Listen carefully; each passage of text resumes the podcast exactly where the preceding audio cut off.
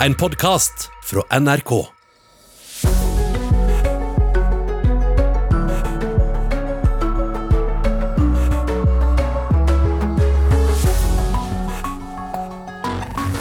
Kommuner over hele landet sier de ikke er klare til å åpne skolene om en uke, uansett hva regjeringen måtte bestemme. Sent i går kveld ble Storbritannias statsminister Boris Johnson sendt til sykehus etter at tilstanden hans hadde blitt eh, verre. For elleve dager siden så ble det jo kjent at han hadde korona. Litt tidligere på kvelden hadde dronning Elisabeth holdt eh, tale til eh, folket sitt. Vi skal dømmes etter hvordan vi takler denne krisen, sa hun, og manet til selvdisiplin.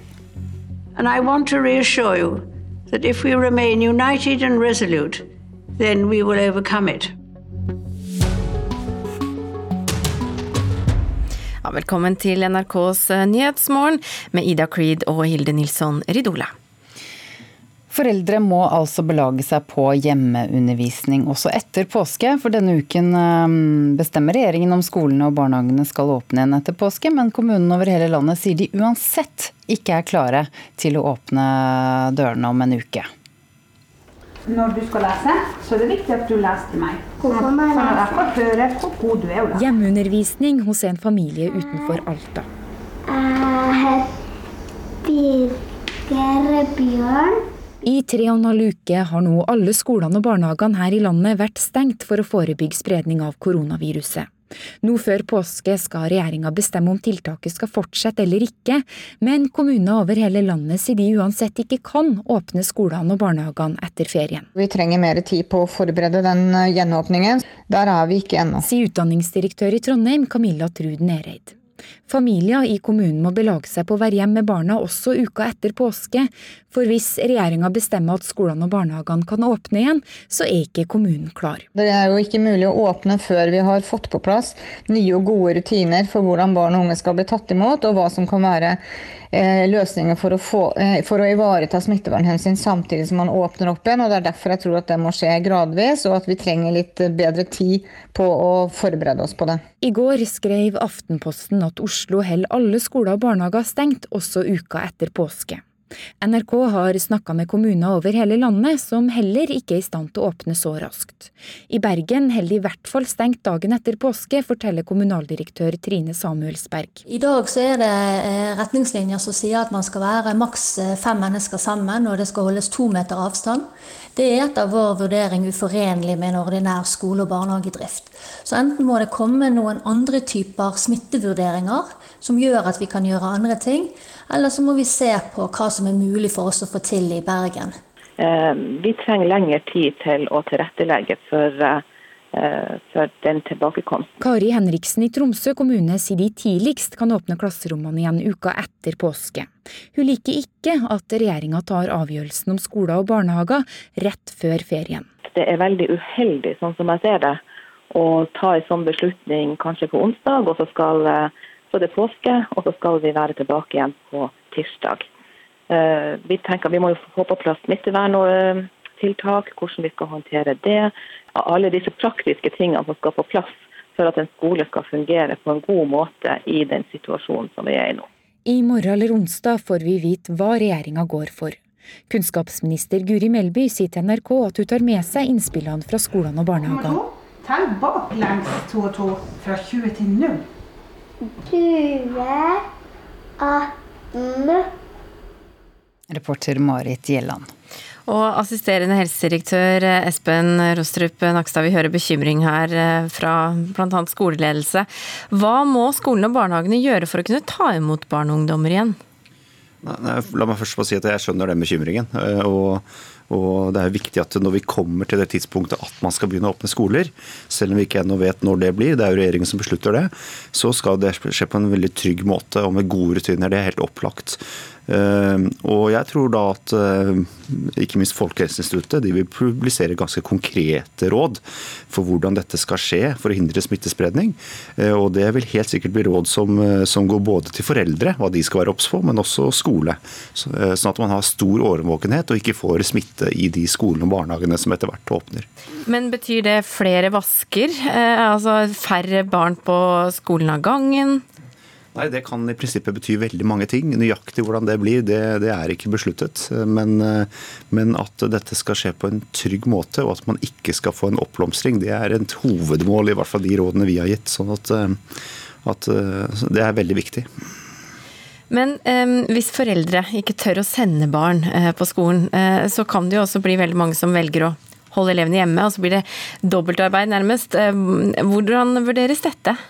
Nei, jeg ser absolutt eh, en fare for det. Eh, men her igjen er det viktig at, eh, at man kommuniserer nå hvordan dette skal skje på en trygg måte, og at alle føler seg trygge på det. At foreldre skal kunne sende barna i skolen uten risiko for at de blir smittet der, og trekke smitte inn i familien. Så det, så det er veldig viktig at vi, at vi klarer. Hvordan står det til med smittesituasjonen nå? Nei, I Norge nå så har vi hatt en veldig stabil situasjon den siste uka.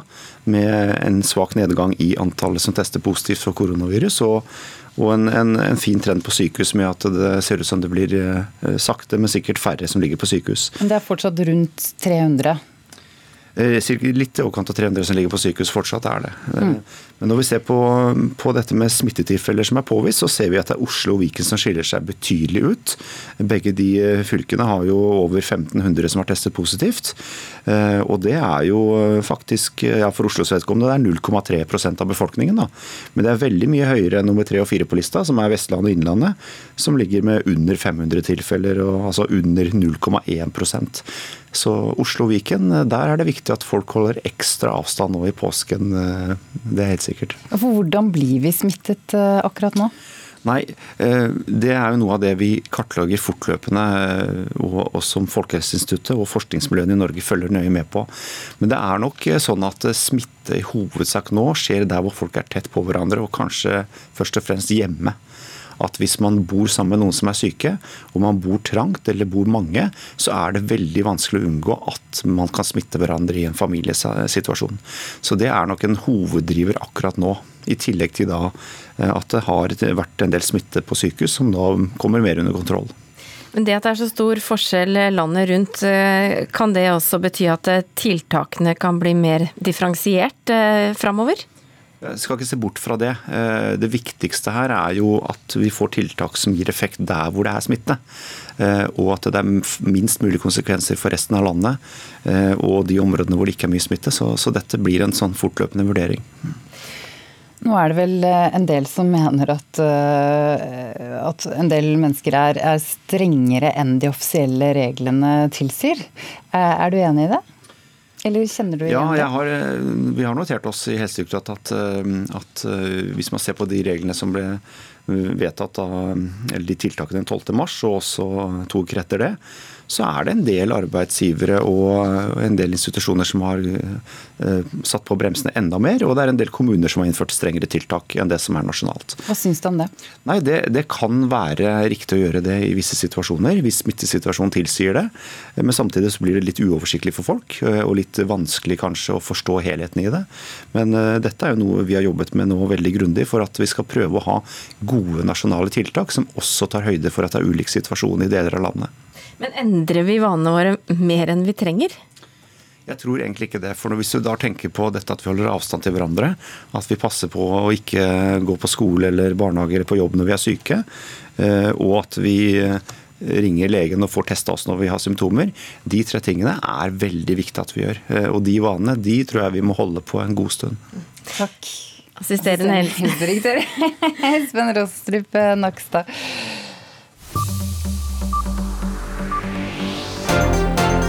Ja, dette skjedde mens du sov. Det er nå nesten 6000 bekreftede koronasmittede i Norge, og 71 mennesker er døde av sykdommen covid-19. Men antall nye smittede er omtrent på samme nivå som før. 118 nye tilfeller ble registrert forrige døgn. I går kveld ble den britiske statsministeren Boris Johnson innlagt på sykehus. For elleve dager siden ble det bekreftet at han var smitta av korona. Han har likevel fortsatt å lede landet selv om han har vært syk, og han har sendt ut flere videomeldinger i løpet av dagene i isolasjon. I Ukraina sier brannmannskaper at de kjemper mot to skogbranner som ble ødelagt Eh, mot to skogbranner i området rundt Tsjernobyl, kjernekraftverket som jo ble ødelagt eh, av en eksplosjon i 1986. Strålenivået i dette brannområdet er mye høyere enn vanlig, og vi følger med på det. Og dette får du vite mer om hvis du følger med på NRK Nyheter i dag. Et utvalg som vurderer koronatiltakene leverer sin rapport i dag. De har sett på om tiltakene i Norge er samfunnsøkonomisk forsvarlige. Utvalget ledes av professor Svein Holden fra Universitetet i Oslo. I dag leveres rapporten, og hva regjeringen bestemmer seg for, blir klart på onsdag. Og underskrifter for å hjelpe flyktningbarn fra Moria-leiren på Lesvos overleveres til regjeringen. Nesten 45 000 nordmenn har skrevet under på kampanjen. I går ble altså Storbritannias statsminister Boris Johnson lagt inn eh, på sykehus eh, for undersøkelser, elleve dager etter at eh, han fikk påvist covid-19. Utenriksmedarbeider Heidi Taksdal Skjeseth, hvordan er helsetilstanden til Boris Johnson, hva vet vi? Ja, Den er nok litt dårligere enn forventet. Han, det var ventet at han skulle ut av isolasjon på fredag, men isteden ble han altså sendt til sykehus søndag kveld. Og Britiske medier de rapporterer om at eh, statsministeren har feber, og at symptomene ikke har gått over. Så dette er, eh, dette er noe mange er bekymret for nå. og eh, Boris Johnson har altså vært, han har insistert på å lede denne innsatsen mot pandemien fra leiligheten sin ved siden av Downing Street 10. Men nå i dag så er det altså utenriksminister Dominic Raab som tar over det daglige krisemøtet i, i London. Og så var det sånn at Dronning Elisabeth holdt en veldig uvanlig tale i går kveld. Dronning Elisabeth talte til det britiske folket og sammenlignet situasjonen i dag med andre verdenskrig. It reminds me of the very first broadcast I made in 1940, helped by my sister. We as children spoke from here at Windsor to children who had been evacuated from their homes. Today, once again, Many will feel a painful sense of separation from their loved ones. But now, as then, we know deep down that it is the right thing to do. Heidi, hva var budskapet til dronningen? Ja, som hun hørte, så sammenlignet hun jo dette med talen hun holdt da hun var 14 år i 1940. Nå er hun snart 94. Eh, eh, og hun sammenlignet denne krisen med krigen, der man må være borte fra sine elskede, de man er glad i, eh, men at det er noe som er riktig, det at det er verdt det, og at vi kommer til å komme sammen igjen. Og hun snakket også til britenes liksom kollektive fellesskapsfølelse at dette er noe vi skal få til sammen. Og det er bare fjerde gang eh, hun snakker til nasjonen utenom sine tradisjonelle juletaler. Så dette ble jeg lagt merke til. We shall meet again var eh, noe av det siste hun sa. Vi skal møtes igjen. Hvordan er stemningen i Storbritannia nå, vil du si? Nei, De nyeste tallene fra Storbritannia viser at det nå nesten er 5000 døde. og Så har de 47 000 smittede, men de har eh, kommet litt sent i gang både med tiltak og med testing. Eh, så folk er eh, Vi så jo tidlig bilder fra Storbritannia om at folk var ute i gatene og til og med på pub mens vi satt hjemme. Men nå er, nå er det alvoret sunket inn. Takk utenriksmedarbeider Heidi Taksdal Skjeseth.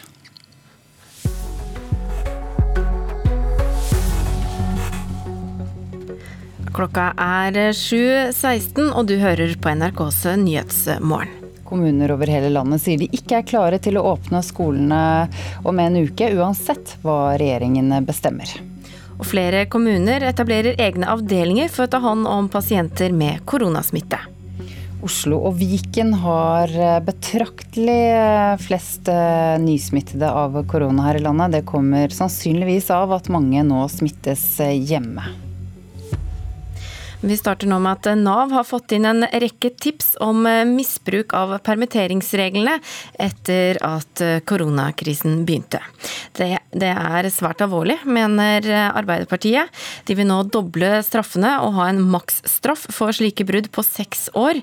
Flere hundre tusen arbeidstakere er blitt permittert de siste ukene, og direktør i Nav kontroll, Ole Johan Heier, sier eh, mange tar kontakt om juks. Vi mottar dessverre en, eh, en, del tips eh, om misbruk av ordningen. Minst 350 000 norske arbeidstakere har fått den tunge beskjeden de siste ukene du er permittert. Det betyr at arbeidsforholdet ditt fortsetter, men bedriften betaler deg ikke lenger lønn. Du må på Nav. Det er blitt langt billigere for bedriftene å permittere under koronakrisa. Noen kan utnytte de gode ordningene, sier Heier. Noen uh, jobber svart, uh, altså at de tar andre oppdrag mot betaling uh, samtidig som de mottar dagpenger. Det kan være at permitteringene ikke er reelle.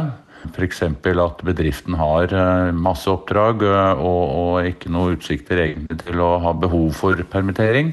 Og kanskje også bruker eh, ansatte til andre oppdrag samtidig som de er permittert det er å utnytte fellesskapets raushet i en krisetid. Sier Arild Grande i Arbeiderpartiet. Eh, det er stygt, eh, og det er å utnytte eh, norsk arbeidskraft, og det vil vi ikke ha noe av. Nå vil Ap ha ei kraftig skjerping av straffene for slike brudd. Vi har jo sett for oss kanskje strafferamme på opp mot seks år.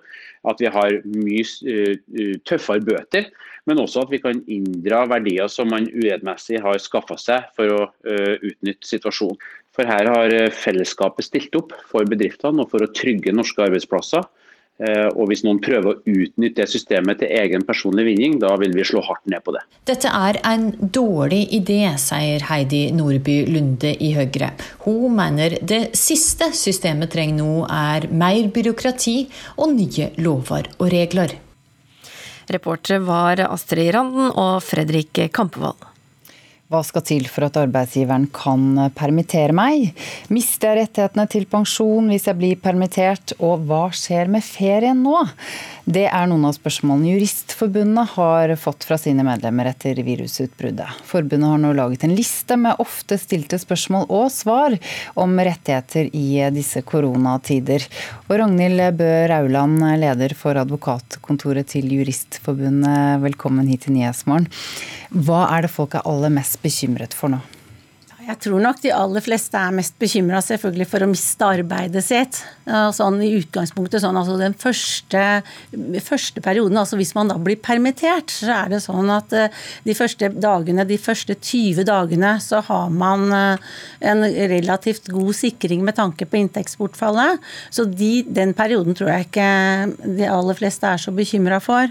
Men når det har gått 20 eh, dager, så går jo stønaden betraktelig ned. Da går den ned til 375 000. Og det er klart, i en sånn periode blir det lengre og en lang, lengre periode på den stønaden, og kanskje to av foreldre osv., eller to av de som er i husstanden som går over på permisjon, så er det, nei, på permittering, så er det klart at det får noe å si. Det, det er jo det å miste arbeidet sitt på sikt, det tror jeg folk er bekymra for. Så har jeg tenkt jeg skulle si en ting til. fordi at et sånt forbund som Juristforbundet, vi har jo medlemmer i hele skalaen, for å si det sånn. Så vi har jo medlemmer som jobber i politiet og i helsemyndigheten, og vi har de som i, i kommunene som jobber masse, og ikke minst Nav. Og de har jo et økt arbeidspress. Så de har jo en bekymring antageligvis for å gjøre jobben sin på en god og effektiv måte. Det dreier seg jo tross alt om dagpenger og dette med stønad til dagens opphold. Men når såpass mange da har spørsmål rundt dette, betyr det at lovene og reglene er uklare? Ja, nå er det sånn med permittering, da? At eh, det er vel ikke en egen lov som sier her har du alle reglene om permittering. Det som gjelder med permittering, det er at det er regler som er utviklet i praksis. Man har eh, regulert det i hovedavtalen mellom LO og NHO. Og eh, det, så der er det relativt godt regulert. Men, og så er det en enkel, eh, litt kortfatta lov som heter lov om lønnsplikt under permittering, som da gjelder sammen med folketrygdloven. Men eh, når det kommer f.eks. til grunnlaget for å foreta permittering, så er ikke det lovregulert. Så da må man se hen til de julovfesta reglene. Og det kan jo dukke opp eh, mange tvilsspørsmål knytta opp til det. Så jeg tenkte jeg skulle bare si litt akkurat om dette grunnlaget. Fordi det, det er mange styr som kommer til si ja, men det er jo økonomi i virksomheten. Det er jo ikke akutt økonomi. Og det er ikke akkurat økonomien der og da som er det som tilsier om det er saklig grunn for permittering. Det det er, det er om det er mulig altså Det er dette med ordrenedgang. Og dette med uh, altså at aktiviteten i virksomheten går ned, slik at man ikke kan få sysselsatt arbeidstakerne på en økonomisk forsvarlig måte. Er det sånn at dere opplever at mange arbeidsgivere tøyer grensene nå for hva som er saklig grunn til permittering? Ja, Det er det veldig mange som spør oss om. Og det er klart, det, det, har vi fått en del spørsmål om. For du vet nå som disse nye reglene har kommet, hvor det er hva skal jeg si, noe De er jo noe oppgradert, og det er jo noe romsligere eh, mulighet for det. Og noe av hensynene med reglene bak permittering, det er jo dette at virksomheten Man skal sørge for at ikke virksomheten går konkurs, eller altså at virksomheten kan fortsette etter et kortvarig, en kortvarig ordrenedgang. Så vi har opplevd det. Vi er jo selvfølgelig mange som spør spørsmål. Og er det sånn at eh, arbeidsgiveren eh, skyver lønnsplikten over på Nav? Eh, så det er nok en bekymring. Og så har vi jo hatt en del spørsmål knytta til dette med hvem er det som skal velges ut? Hvem er det, hvordan er kriteriene for det? Og er det, det er jo folk som er sykemeldte, det er folk som har vært i svangerskapspermisjoner eller er gravide osv. som har stilt oss dette spørsmålet. Det er klart De er nok bekymra. Er det riktig at det er jeg som skal gå?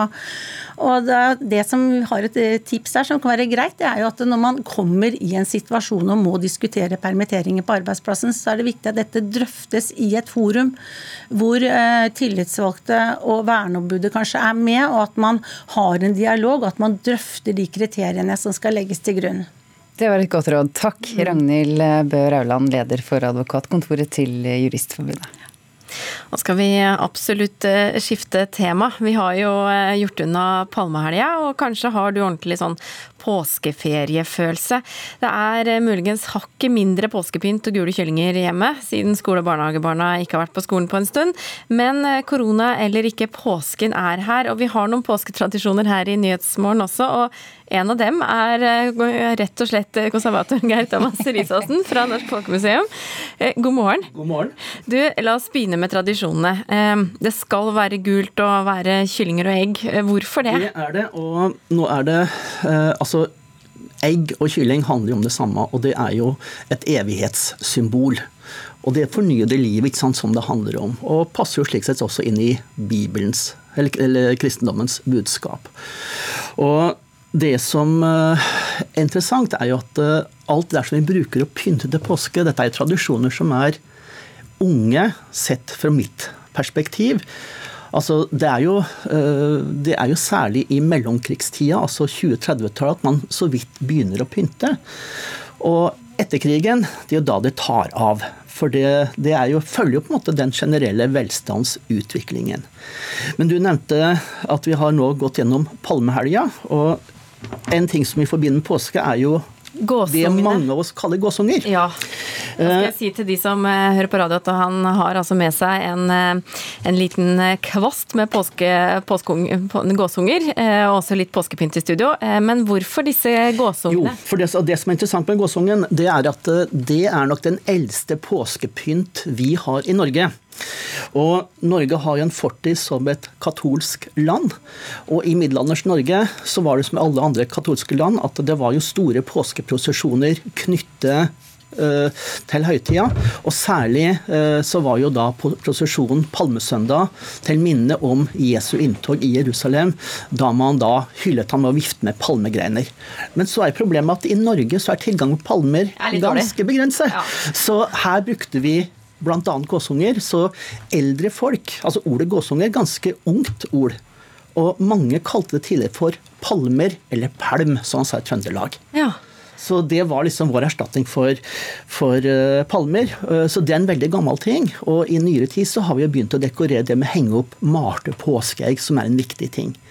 Men så tenkte jeg at uh, i og med at påskepynt er ganske ungt, så tok jeg med noen eksempler fra 50- og 60-åra. Nå sitter du med en eh, påskekylling og en eh, påskelilje. Ja, og da har jeg, jeg kan ta påskeliljen først, for det er da ei gul påskelilje i helstøpt plast. For det er jo den tida plasten også oh, gjør sitt inntog. Eh, det er billige ting. Og den påskekyllingen jeg har, det er jo laga av nesten som en forstørre piperenser. Igjen et billig materiale. Og så er det en ting som jeg er veldig glad i, og det er da et sånn utbretts, en utbrettshane uh, og høne. Et trekkspill med, trekkspill med ja, høne og hane. Ja, og det er også en ting som uh, hører tida til. Og selvfølgelig servietter. Ja. Så du kan si at uh, det er etter krigen at vi for alvor begynner å pynte påske slik vi tenker i dag. Og, og så tenker jeg at uh, dette blir en annerledes påske for veldig mange. Det blir hjemmepåske. Og, og, det er klart at det å pynte hjemme til påske er kanskje viktigere i år enn noensinne. For det, altså det der med trivselsfaktor, mm. den er viktig. Men eh, siden, som du er inne på, eh, det er ikke så mange som drar på hyttetur i påska. Eh, har du noen tips til andre gode påskeaktiviteter for dem som altså skal feire påsken hjemme? Ja, vi kan, vi kan jo ta fram en tradisjon som vi nesten har glemt. Og det er å skrive påskekort. Jeg har med to gamle påskekort her. For i hvert fall opp til 50-60-tallet så var det jo vanlig at man også sendte ikke bare kort til jul, men også til påske. Og de personlige hilsningene kanskje viktigere i dag enn, enn på lang, lang tid. Og så har vi jo alle de eh, kollektive, altså alle de eh, spillene, lekene som man kan gjøre sammen. For at påsken er jo også Det kan bli langtekkelig eh, for en del, men, og særlig for barnefamilier. Og, og, det er klart at det man kan gjøre sammen, det er jo alltid veldig veldig verdifullt. For det er det på sosiale som vi må hegne om i den tida her. Men kanskje vi burde heller da gå for et sånn digitalt påskekort, eller går du for papirutgave? Det, det kan man gjøre begge deler, men jeg syns det er ganske hyggelig at selv om tradisjonen med påskekort er relativt lav i dag, så er det fortsatt påskekort i salg. Mm. Takk skal du ha for at du eh, er en del av vår påsketradisjon, Geir Thomas Risaasen fra Norsk Folkemuseum.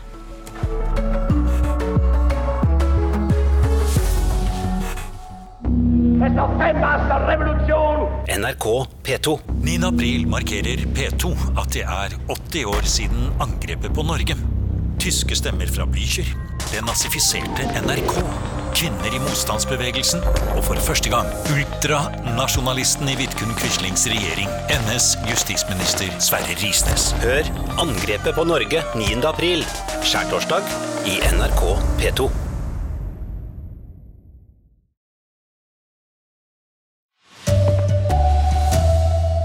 Norske kommuner sier de ikke er klare til å åpne skoler og barnehager rett etter påske. Politikerne på Stortinget må bli enige om krisestøtte til bedriftene i dag. Og Storbritannias statsminister Boris Johnson er innlagt på sykehus. God morgen, her er NRK Dagsnytt. Klokka er 7.30. Foreldre og barn må belage seg på hjemmeundervisning også etter påske. Denne uka bestemmer regjeringen om skolene og barnehagene skal kunne åpne igjen etter påske. Men kommuner over hele landet sier nå at de uansett ikke er klare til å åpne dørene allerede om en uke. Når du skal lese, så er det viktig at du leser til meg. Hjemmeundervisning hos en familie utenfor Alta. Jeg i tre og en halv uke har nå alle skolene og barnehagene her i landet vært stengt for å forebygge spredning av koronaviruset. Nå før påske skal regjeringa bestemme om tiltaket skal fortsette eller ikke, men kommuner over hele landet sier de uansett ikke kan åpne skolene og barnehagene etter ferien. Vi trenger mer tid på å forberede den gjenåpningen. Sier utdanningsdirektør i Trondheim, Camilla Trud Nereid. Familier i kommunen må belage seg på å være hjemme med barna også uka etter påske, for hvis regjeringa bestemmer at skolene og barnehagene kan åpne igjen, så er ikke kommunen klar. Det er jo ikke mulig å åpne før vi har fått på plass nye og gode rutiner for hvordan barn og unge skal bli tatt imot, og hva som kan være løsninger for å, få, eh, for å ivareta smittevernhensyn samtidig som man åpner opp igjen. og Det er derfor jeg tror at det må skje gradvis, og at vi trenger litt bedre tid. I går skrev Aftenposten at Oslo holder alle skoler og barnehager stengt også uka etter påske.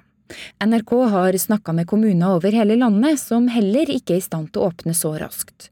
Kari Henriksen i Tromsø kommune sier de tidligst kan åpne klasserommene igjen uka etter påske.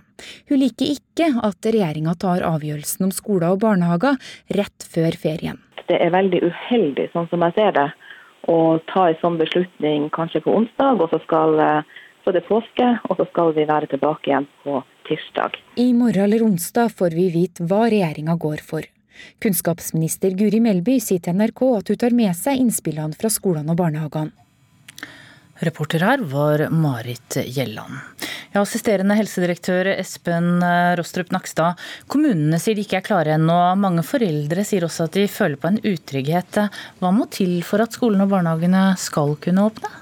Når vi kommer til det tidspunktet at man skal begynne å åpne barnehager og skoler, så er det veldig viktig at det skjer på en trygg måte. Og at foreldrene er trygge på at barn ikke blir smittet på skolen, og at skolen er trygg på at det ikke kommer syke barn på skolen. Eh, og Det som må til da, det er egentlig to ting. Det er smittesituasjonen som må være da under kontroll, sånn at man ikke har mye smitte i den skolekretsen det gjelder. Og så må, må man følge helt konkrete rutiner for hvordan dette skal skje på en trygg måte. Så, så, Det er på en måte de to viktigste tingene tror jeg, for at alle skal føle seg trygge på dette når man skal etter hvert eh, tilbake på skole og barnehage. Ja, Det høres ikke ut som det er helt nært forestående. Jeg vet jo at det er regjeringen som skal bestemme det, og ikke du. Men det høres ikke ut som det skal skje rett over påske? Nei, altså Dette er jo regjeringen som fatter en beslutning om dette nå midt i denne uka. Eh, og Hvordan det blir, det er det bare regjeringen som vet. Men eh, det som eh, vi har gitt tydelig råd om, er at dette skal skje på en trygg måte. Og, og, det skal være gode rutiner for hvordan det skjer. Og vi er helt avhengig av nå at ikke vi får noe oppbluss av smitte i skoler eller barnehager. I en situasjon hvor vi prøver å holde denne smitten så langt nede som mulig. Hvordan vil du si smittesituasjonen er i Norge nå? Den er eh, stabil og det er en positiv trend. Dvs. Si at det går eh, sakte, men sikkert litt nedover. Men vi ser at det er to fylker som peker seg ut nå. Det er Oslo og Viken. Hvor det er eh, relativt sett nesten tre ganger mer smitte enn i resten av landet. Så, så, der er det veldig viktig nå at vi fortsetter å ha fokus og holde avstand til hverandre, ikke minst nå i påsken. Ja, for mange av oss så begynner det liksom nå å synke inn at dette kan bli langvarig. Hva skal vi gjøre for å holde motet oppe nå? Nei, Jeg tror det er god motivasjon å se at det går riktig vei. Det er det ene. Og så tror jeg vi får god motivasjon også å se på hva som skjer i andre land. At vi i hvert fall enn så lenge er i en, en bedre situasjon i Norge, tross alt. Men, men, det er nok viktig at vi i hele 2020 tenker på at vi må holde avstand til hverandre. At vi, at vi må teste oss hvis vi blir syke. Og at vi ikke sender barn på skole og barnehage, eller selv går på jobb hvis vi er syke. Det er veldig viktig å huske på. Takk, Espen Rostrup Nakstad. Partiene på Stortinget forhandler fremdeles om detaljene i kontantstøtteutbetalingene til bedrifter som er rammet av krisen. Stortinget skal vedta ordningen i morgen, og partene må derfor komme i mål i løpet av dagen i dag samtalene går greit, og at eh, vi skal klare å lande en eh, veldig brei og god løsning eh, i fellesskap i Stortinget. Arbeiderpartiets Terje Aasland var optimist i går kveld. Men det gjenstår fortsatt mange tema som ikke er landa i forhandlingene. Kontantstøtteordninga skal hjelpe bedrifter som har fått ordre om å stenge, eller som har hatt stort omsetningsfall som følge av koronakrisa. De skal få hjelp til å dekke faste utgifter, sa finansminister Jan Tore Sanner på torsdag. Det kan være husleie, forsikringer, strøm, regnskapsføring. I forhandlingene er Arbeiderpartiet opptatt av å sikre et eh, vedtak der en unngår at ordninga blir utnytta, sier Terje Aasland. Det er å begrense selvfølgelig utbytte. Vi er eh, opptatt av at den rammer inn dette med lederlønninger, bonuser eh, osv. Vi er opptatt av at den skal sikre sysselsetting og trygge arbeidsplassene. SV har spilt inn at det skal være forbud å si opp folk i støtteperioden. Målet om å sikre at færrest mulig blir oppsagde, er et viktig tema i samtalene, etter det NRK forstår. De NRK har snakka med, er opptatt av at ordninga skal stå seg i ettertid. At politikerne ikke lager ei ordning som er mulig å utnytte. Politikerne må klare dette samtidig med at de lander et vedtak raskt nå. At vi er veldig opptatt av å få pengene fort ut. Sa leder i finanskomiteen, Høyres Mudassar Kapur, lørdag. I går kveld sa han til NRK at han tror finanskomiteen også denne gangen klarer å lande ei løsning der de fleste er enige, innen fristen tirsdag. Reporter her var Håvard Grønli. Og det blir mer om kontantstøtten til bedriftene i Politisk kvarter på P2 klokka kvart på åtte. Til Storbritannia nå. Der er statsminister Boris Johnson lagt inn på sykehus eh, ti-elleve dager etter at han fikk påvist covid-19. Utenriksmedarbeider Heidi Taksdal Skjeseth, eh, hvordan er helsen hans nå?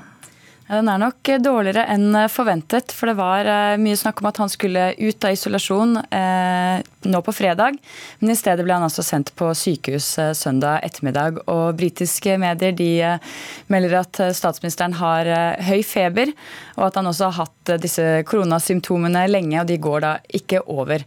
Og det har vært Boris Johnson som har ledet koronainnsatsen i Storbritannia hele tiden, gjennom sykdomsperioden, gjennom videolinker og i i isolasjon. Men i dag er det utenriksministeren som tar over de daglige krisemøtene. Hvordan er situasjonen i Storbritannia nå? Nei, Der eh, stiger eh, både døds- og smittetallene eh, relativt raskt. Det er nesten 5000 mennesker som er døde, og 47 000 mennesker som er smittet. Og De satte jo inn disse tiltakene litt senere enn mange europeiske land. Hele verden er rammet av dette. Hvor er det verst nå? Det er fortsatt i eh, USA som eh, har de største, høyeste dødstallene. De er nesten 10 000 døde og 300 000 smittede nå. Men vi ser også at viruset sprer seg raskt til andre og fattigere land med enda dårligere helsevesen. og Der er det særlig Ecuador og Tyrkia nå som skiller seg ut. Altså Ecuador eh, har bare rapportert 180 offisielle døde, men det er høye mørketall sannsynligvis. Og det rapporteres om at det ligger døde mennesker i Guayaquil, den nest største byen i Ecuador, som ikke blir blir hentet ut. Og også Tyrkia har det vært eh, en eh, rask økning de siste par dagene bare. Eh, godt over 500, 500 døde nå. Og nå har myndighetene innført portforbud for alle over 20 år. Takk skal du ha, Heidi Taksdal Skjeseth. Og FNs generalsekretær Antonio Guterres ber nå alle verdens regjeringer beskytte kvinner og jenter under koronakrisen. Over hele verden ser vi nå en skrekkelig økning i familievold, sier FN-sjefen i en videotale. Over the past weeks, we have seen a horrifying global surge in domestic violence. Violence is not confined to the battlefield. For many women and girls, the threat looms largest where they should be safest in their own homes. Ja, For mange kvinner er den største trusselen der eh, nå der de burde være trygge, nemlig hjemme, sier Guterres her. Flere kommuner her i landet etablerer nå egne avdelinger for å ta hånd om pasienter med koronasmitte. Det har bl.a. skjedd ved Solgården bo- og omsorgssenter i Asker. Og i Oslo etterlyses det nå helsearbeidere som vil jobbe med eldre smittede pasienter. En så stor bamse! Det Emma og Magnus er på jakt. Wow! Det var eh, ikke den rette saken. Vi skal se nå om vi kan få på saken om egne avdelinger for å ta hånd om pasienter med koronasmitte i kommunene. Vi søker sykepleiere og helsefagarbeidere som bor i Oslo, og som ønsker å bidra med sin fagkunnskap og omsorg gjennom pleie og stell av eldre pasienter med covid-19-smitte.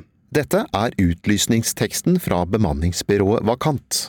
Byrået hjelper til med bemanning av en institusjon i Oslo opprettet for eldre smittede pasienter. Jeg tenker Vi må jo være veldig direkte her.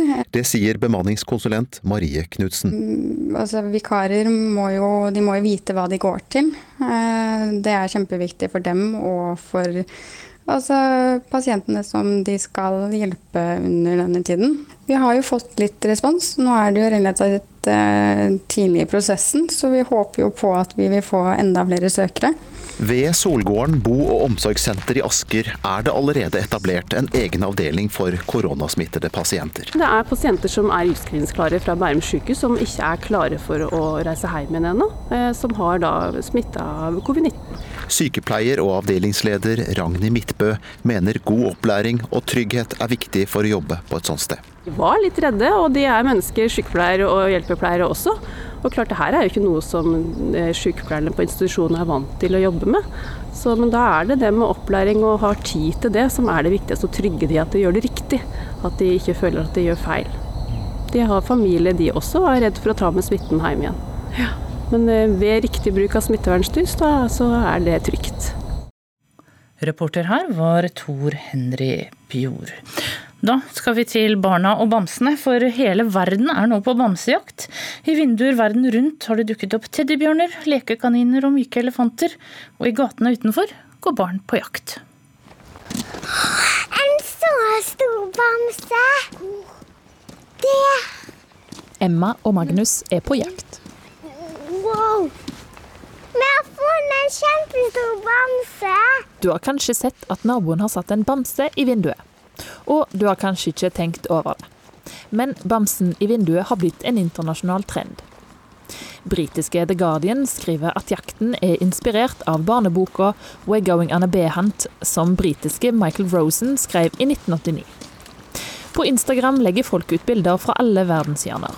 Men det leites gatelangs her hjemme òg. Oi, oi, oi! De var fine! Det er bamser. Når lek med venner og barnehage utgår, syns fem år gamle Emma Eide Bersås at det er bra for ungene at folk setter bamser i vinduene sine. For, for da slipper de um, å kjede seg. Hvordan er det å kjede seg, da?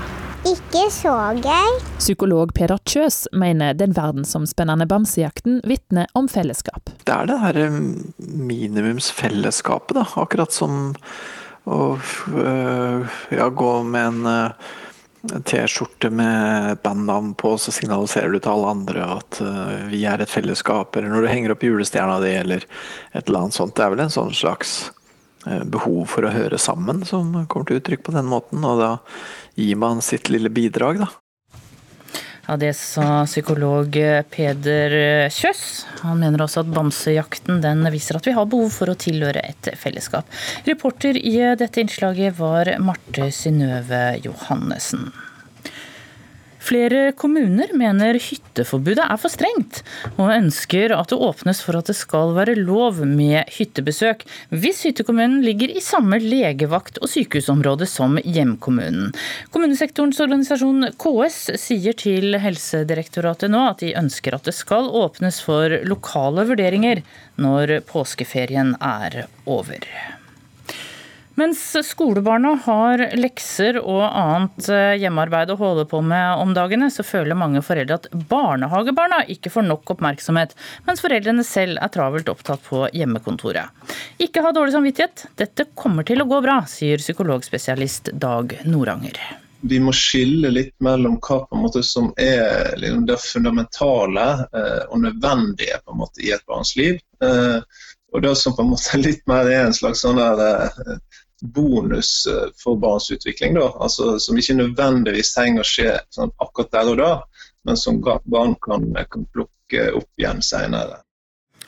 Hovedsak i denne sendingen har vært at norske kommuner sier de ikke er klare til å åpne skoler og barnehager rett etter påske, uansett hva regjeringen sier denne uka. Ansvarlig for Dagsnytt i dag, Anne Skårseth. Her i studio, Tone Nordahl.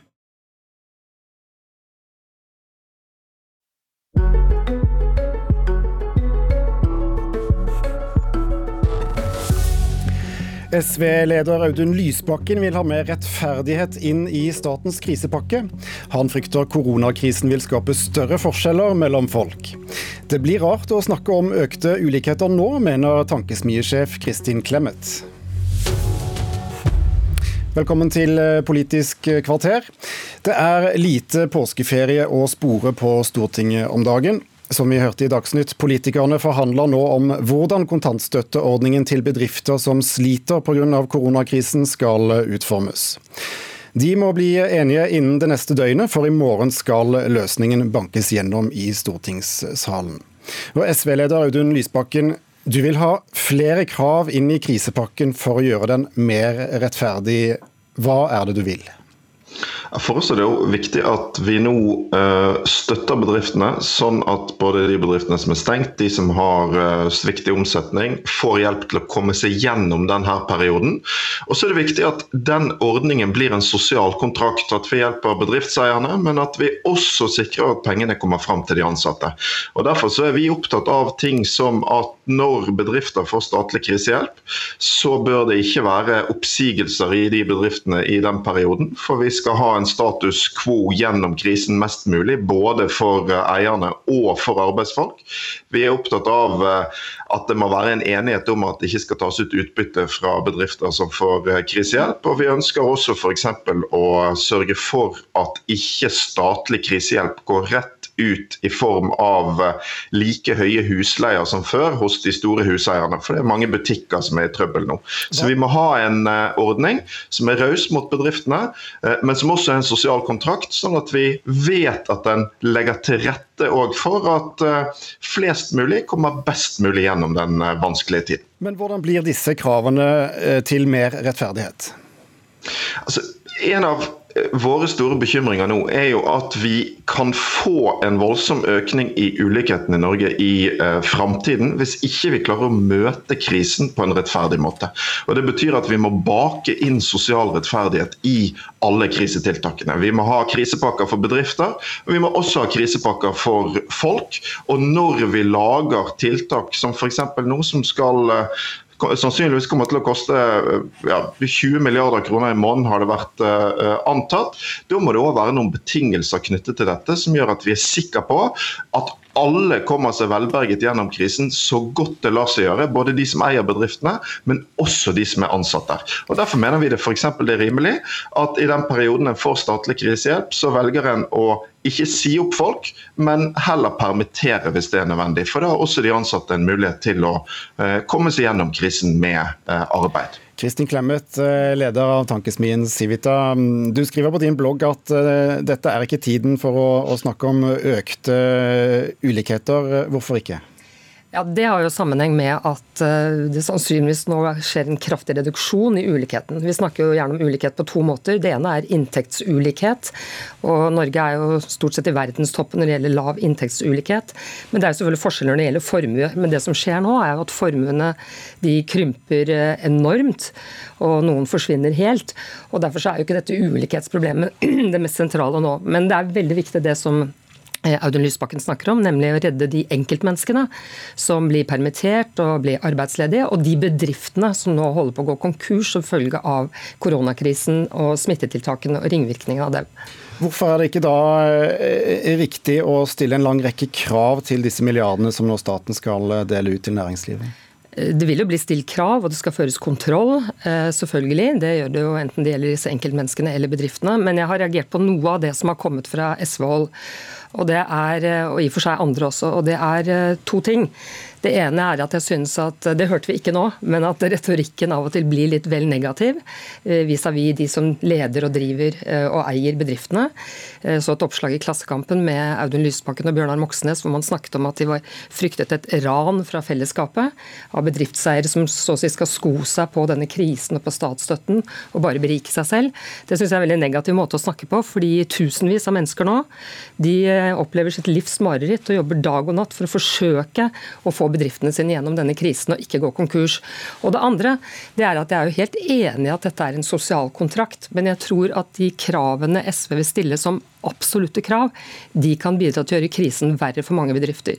Hvis det blir et absolutt forbud mot utbytte, absolutt forbud mot eh, oppsigelser i enhver situasjon, så tror jeg det kan gjøre, føre enda flere bedrifter utfor stupet. Audun Lysbakken, er det rettferdig, som, eh, som dere jo har, eh, har sagt iallfall retorisk, at uh, her kommer alle til å grabbe til seg så mye penger som mulig? Er det, er det rettferdig å gå ut med en slik påstand?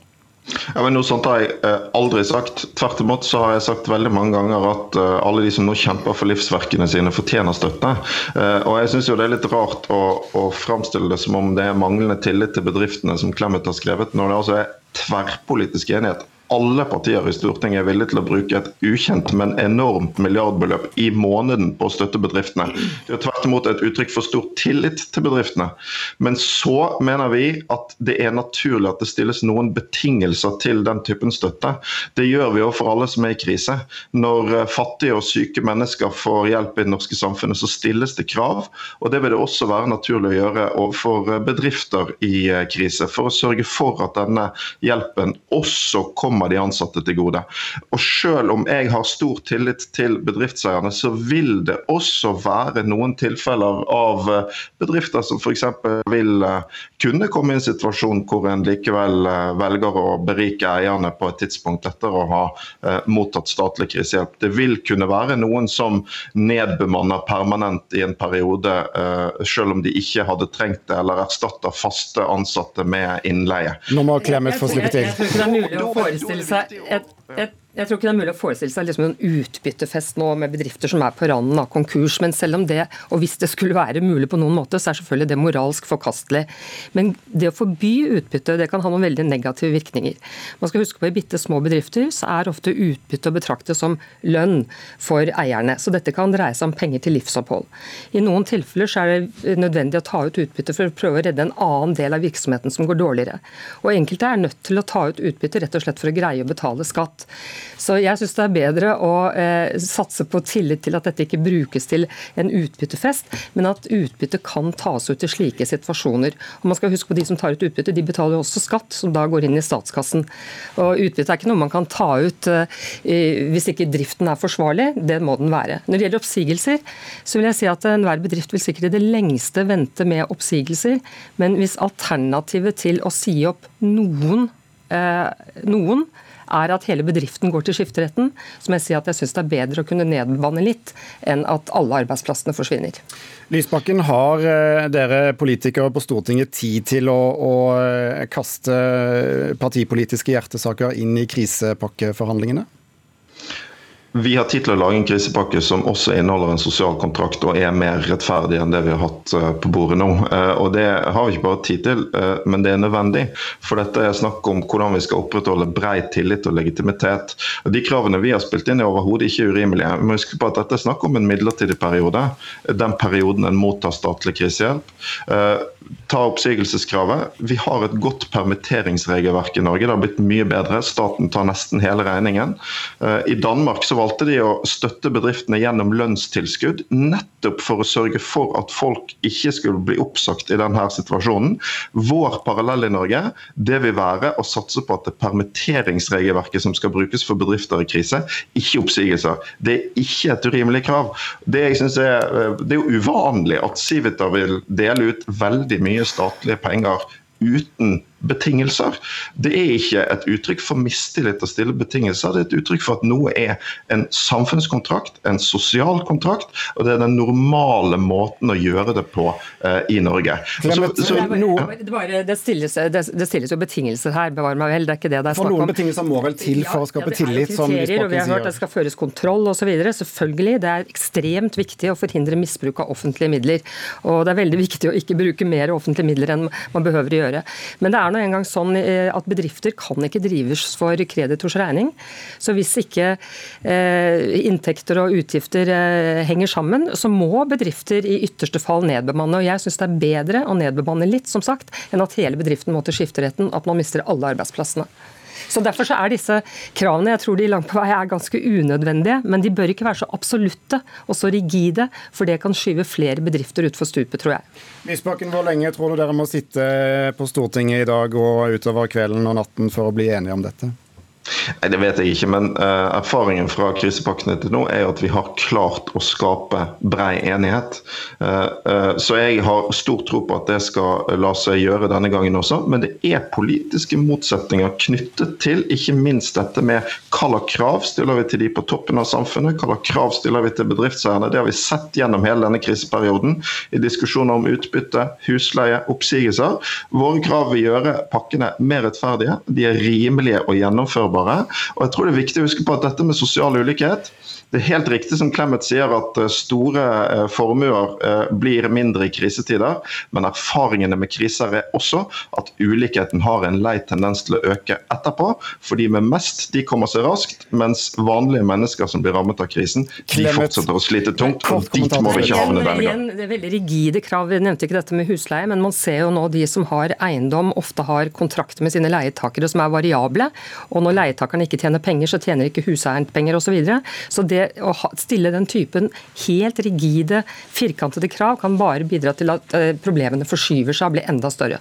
Takk skal du ha, Kristin Clemet fra Civita, og takk også til Audun Lysbakken, leder i eh, SV. Vi venner oss til eh, vår egen Lars Nehru Sand, politisk kommentator. Politikerne sitter altså og forhandler om kontantstøtte til bedrifter som sliter. Hva er de sentrale stridstemaene i disse forhandlingene? Som denne debatten illustrerer godt, så handler det jo ikke bare om en debatt om hvilke virkemidler som er riktige og legitime å stille. Det handler også om hvordan man når det målet man måtte ha eh, best mulig. Enten det da dreier seg om å begrense utbytte eller eh, bonuser og lederlønninger. Eh, hindre at man oppsier medarbeidere og heller leier inn, f.eks., som er et viktig mål for, for, opposisjonen. Og også da dette med, med husleie. Så er det også et ønske om å eh, hindre at eh, at man kan utnytte en selskapsstruktur med internprising eller andre ting, som gjør at man kan komme uforholdsmessig godt ut av eh, støttetildelingen. Og Så kommer det også et forslag fra Miljøpartiet De Grønne om at man skal ha en åpenhetsdatabase hvor du og jeg og alle kan søke på nærbutikken vår eller andre vi lurer på om har fått støtte, hvor mye de har fått, for å kunne gå hele regimet etter i sømmene. Men disse hjertesakene som da mange av partiene har, hvor stort rom er det egentlig for å, å, å legge dette i potten nå i disse forhandlingene som foregår? Det er større rom jo mindre akutt hele faren blir. Eh, de første rundene så vi at det var bred enighet og, og raske forhandlinger. Nå, det, eh, nå, står man jo fortsatt med det dilemmaet at enten så må man gjøre dette eh, enkelt, ubyråkratisk og få til en rask utbetaling, som er det alle vil. Og det disiplinerer forhandlingen litt, fordi motsetningen vil være det, det motsatte. Og det man da ønsker, er jo fortsatt å kunne bruke noe mer penger, eller få på plass noen eh, småsaker i, i gjennomslag i, i Stortinget. Eh, men det at det er et tidspress, gjør jo også at det er mindre tid til omkamper og hale ut eh, prosessen i, i Stortinget, og det forholder, forholder alle partiene seg til. I dag eh, så legges eh, den siste av tre bakgrunnsrapporter frem eh, for regjeringen. Onsdag så skal statsministeren fortelle hvilke smitteverntiltak som skal gjelde etter påske. Hvilket press er det på regjeringen nå? Ja, Det er stort, for det er ingen som får se disse rapportene før regjeringen har kunngjort sin konklusjon. Det stiller sterke krav til hvordan regjeringen kommuniserer og konkluderer når de kommer med sin eh, beslutning. Det er eh, bokstavelig talt livsviktig for å holde smittedugnadsånden oppe eh, at vi har en forståelse for hva regjeringen sier og hvorfor det må bli sånn, og at den beslutningen som da landes har legitimitet i befolkningen. Hvis ikke så kan man ane tendenser til at mange nå føler at nå har vi gjort vårt, eller dette begynner å gjøre litt vondt eller koste enten økonomisk forstand eller sosial sosial forstand. Det eh, har ikke regjeringen og samfunnet råd til at skal eh, bli, eh, bli resultatet. Fordi de rådene som kommer på onsdag for livet etter påske, de må, de må følges av oss alle. og Derfor er det veldig viktig at det har legitimitet i befolkningen, det regjeringen konkluderer med. Takk skal du ha, Lars Nehru Sand. Politisk kvarter er slutt. Mitt navn er Thomas Alvarstein Ove.